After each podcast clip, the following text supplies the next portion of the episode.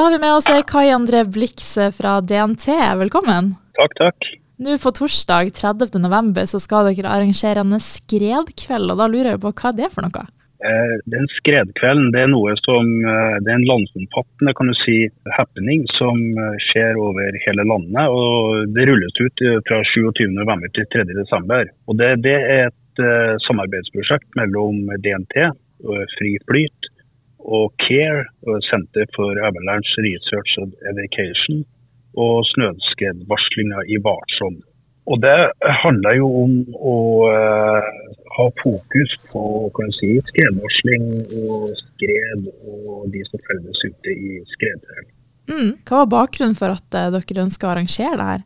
Eh, det er jo et, uh, det er et samarbeidsprosjekt med alle de fire aktørene som jeg prater om. Og, og, det er jo klart at vi vil jo være med og arrangere det der. Så vi får jo et tilbud. Da. Så det er jo kan du si Varsom som står for eh, mye ut av eh, den kompetansen. Og det kommer òg inn en eh, foredragsholder da fra Varsom som skal holde et foredrag. da. Og så lurer jeg på Hva er det man får lære om, og hvilke type liksom, spørsmål er det man går gjennom denne kvelden? Eh, ja, det kan være litt uh, forskjellig fra si, skredkveld til skredkveld. Men uh, mye handler jo om uh, si, hvordan ferdes i skredterreng. Og så er det ulike si, metoder og varslingsmetoder. sånn som Varsom har jo egne apper så du kan gå inn på og se når man er i skredterreng.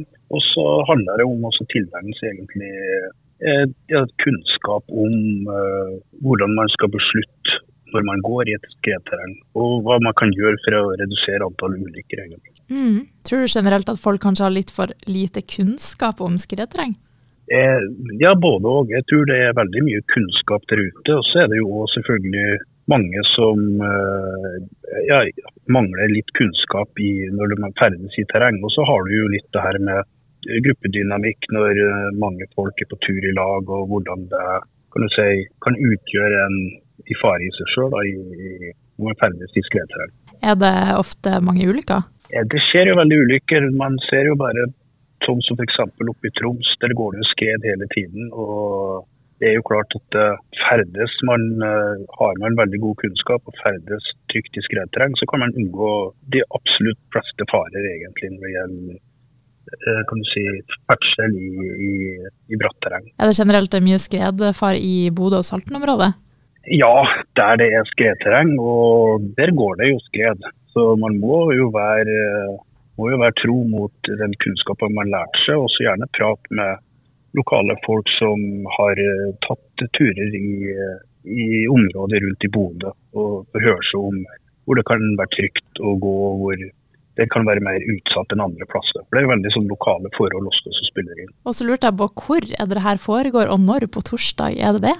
Det er, foregår på Norduniversitetet, på auditoriumet på Petter Dass fra til 21. Det er påmelding på DNT, så du må gå inn på DNT sine sider og så melde seg på. da. Og Det åpner jo 30 minutter før at uh, det starter. da, Så halv sju så går det an til å komme inn.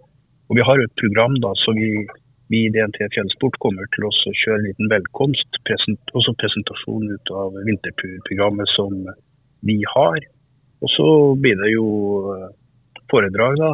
Og så vil det jo òg bli spørsmålsrunde og avslutning. Og Han som foredrag, det er jo Torbjørn Pedersen eh, fra Varsom som skal holde et foredrag. Og så helt til slutt, da, Hvis du på en måte har eh, det viktigste tipset til når folk skal ut på tur i vinter, hva ville det ha vært? Det vil jo være å tilegne seg god kunnskap om skred. og har man ikke det, så i hvert fall dra sammen med noen som har god kunnskap om skred, og ta skredkurs for all del. Det er veldig lærerikt, og det anbefaler absolutt alle å ta.